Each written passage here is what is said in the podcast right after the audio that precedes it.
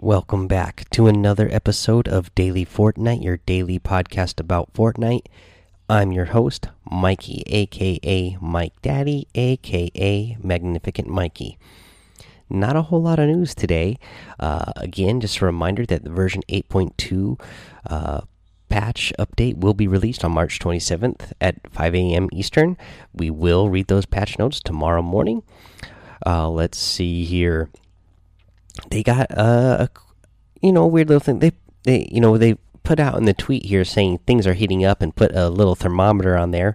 Now we know that uh, the, the floor is lava. Uh, LTM is coming, so I'm guessing that's what that is in reference to.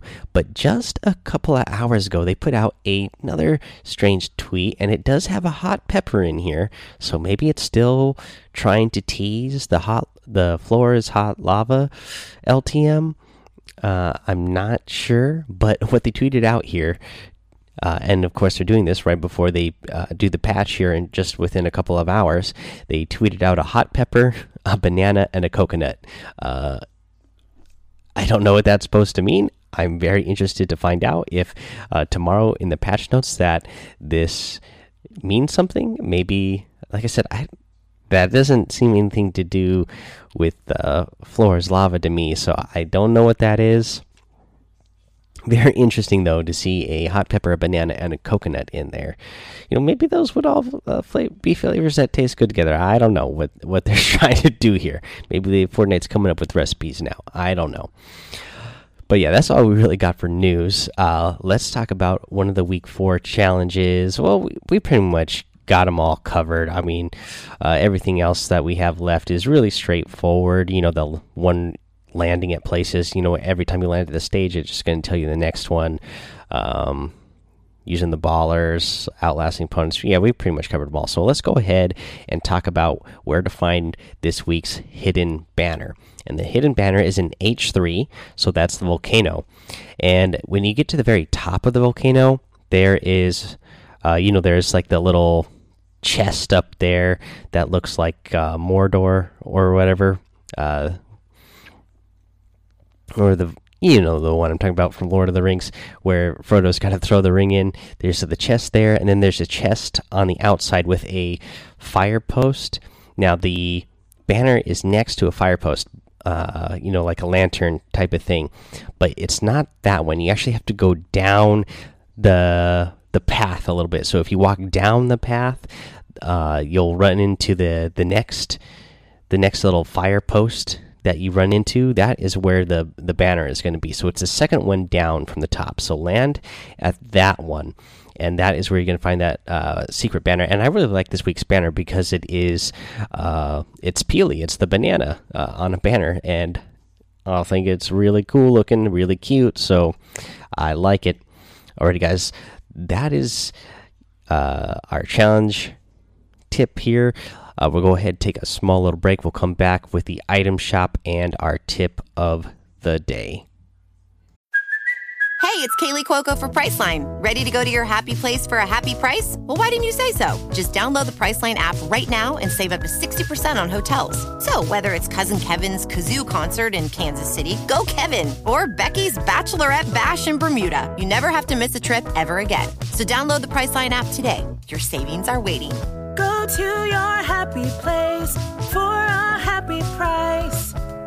Go to your happy price, Priceline. Alrighty, and we are back with the item shop. In the item shop today, we got uh, some old outfits returning. We got the Wukong outfit.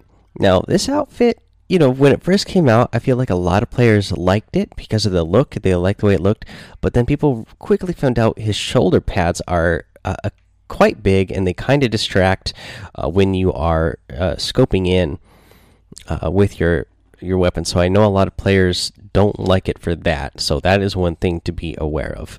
Uh, he does look cool though. Uh, you do get the harvesting tool, the Jingu Bang. Uh, let's see here. You got the Dark Vanguard in here. You know, I really like the Dark Vanguard. I feel like we've been seeing it in the item shop a lot returning. I still like it, but man, sure has been in the item shop a lot, it seems like. Uh, let's see here. We got the Deep Space Lander Glider and the Orbital, sh orbital shuttle glider. Uh, you got the tomato head outfit. You get the extra cheese uh, glider and the Axeroni harvesting tool. Uh, let's see here in the daily items, you get the Llama Cadabra emote, the Prismatic glider, the Light Show outfit, a really good one, the Mayhem outfit. Uh, you get the studded axe harvesting tool and the Jubilation emote.